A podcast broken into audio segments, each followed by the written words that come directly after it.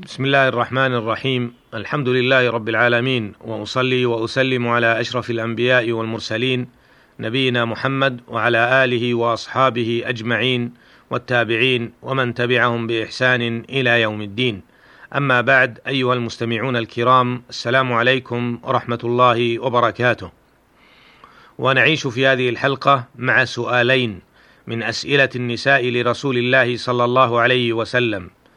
السؤال الأول ما رواه أبو داود والنسائي وغيرهما عن أم سلمة رضي الله عنها أن امرأة كانت تهراق الدم على عهد رسول الله صلى الله عليه وسلم فاستفتت أم سلمة النبي صلى الله عليه وسلم فقال لتنظر عدد الأيام والليالي التي كانت تحيضهن من الشهر قبل أن يصيبها الذي أصابها فلتترك الصلاة قدر ذلك من الشهر فإذا خلفت ذلك فلتغتسل ثم لتستذفر بثوب ثم لتصلي.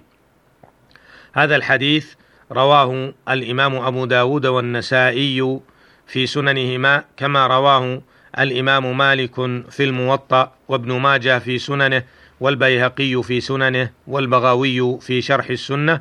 كلهم عن نافع عن سليمان بن يسار عن أم سلمة رضي الله عنها بإسناد صحيح. أيها المستمعون الكرام، جاء في الحديث أن امرأة كانت تهراق الدم على عهد رسول الله صلى الله عليه وسلم، أي كان يسيل منها الدم، والمقصود بهذا الدم دم الاستحاضة، وليس دم الحيض.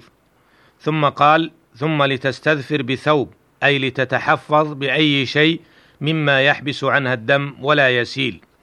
وهذا الحديث يبين حالة أيضا من حالات المستحاضة وهي ما إذا كانت أيام عادتها معلومة فأرشدها النبي صلى الله عليه وسلم إلى أنها تجلس هذه الأيام المعلومة فتكون بالنسبة لها حيضا فتترك الصلاة والصيام فإذا انقضت تلك الأيام اغتسلت وصلت. قال عليه الصلاة والسلام لتنظر عدد الليالي والأيام التي كانت تحيضهن من الشهر قبل أن يصيبها الذي أصابها ثم لتترك الصلاة قدر ذلك من الشهر فإذا خلفت ذلك فلتغتسل ثم لتستذفر بثوب ثم لتصلي.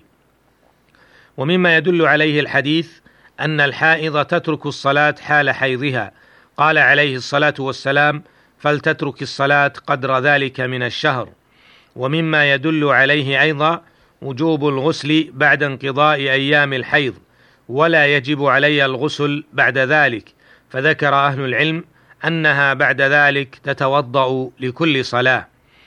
ومن الفوائد أيضا أنه ينبغي لها أن تتحفظ بعد وضوئها لأجل ألا يسيل منها الدم فينجسها. أما السؤال الثاني في هذه الحلقة فقد روى الإمام أحمد وأبو داود وغيرهم عن امرأة من بني عبد الأشهل رضي الله عنها أنها قالت قلت يا رسول الله إن لنا طريقا إلى المسجد منتنة فكيف نفعل إذا مطرنا؟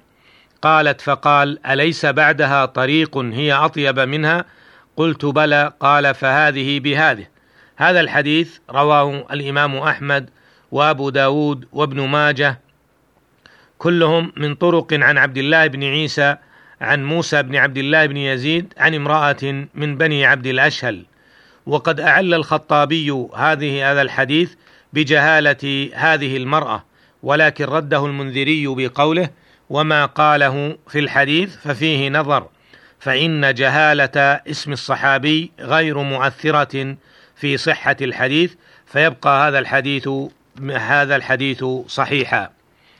وفي هذا الحديث قال إن لنا طريقا إلى المسجد منتنة أي مكروهة ووسخة.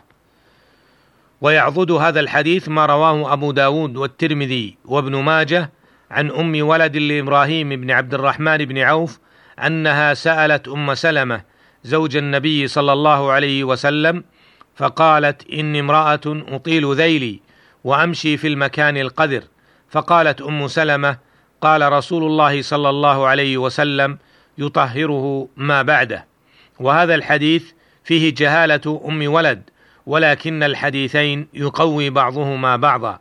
قال الخطابي كان الشافعي يقول إنما هو فيما جر على ما كان يابسا لا يعلق بالثوب منه شيء. فأما إذا جر على رطب فلا يطهر إلا بالغسل. وقال أحمد بن حنبل رحمه الله ليس معناه إذا أصابه بول. ثم مر بعده على الأرض أنها تطهره ولكنه يمر بالمكان فيقذره ثم يمر بمكان أطيب منه فيكون هذا بذاك ليس على أنه يصيبه شيء. وقال مالك رحمه الله إن الأرض يطهر بعضها بعضا إنما هو أن يطأ الأرض القذرة ثم يطأ الأرض اليابسة النظيفة فإن بعضها يطهر بعضا فأما النجاسة مثل البول ونحوه يصيب الثوب أو بعض الجسد فإن ذلك لا يطهره إلا الغسل. قال الخطابي قلت وهذا إجماع الأمة. انتهى كلامه رحمه الله.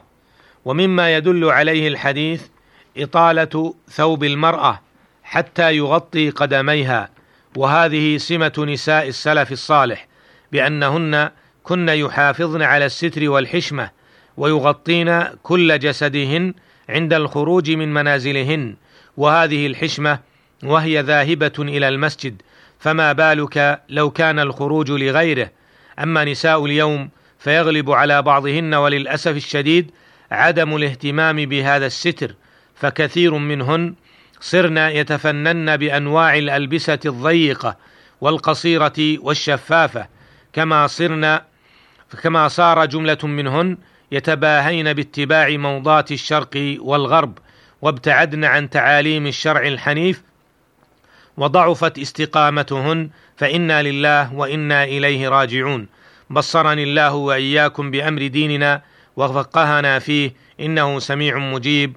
وصلى الله وسلم وبارك على نبينا محمد وإلى اللقاء في الحلقة القادمة إن شاء الله. والسلام عليكم ورحمة الله وبركاته.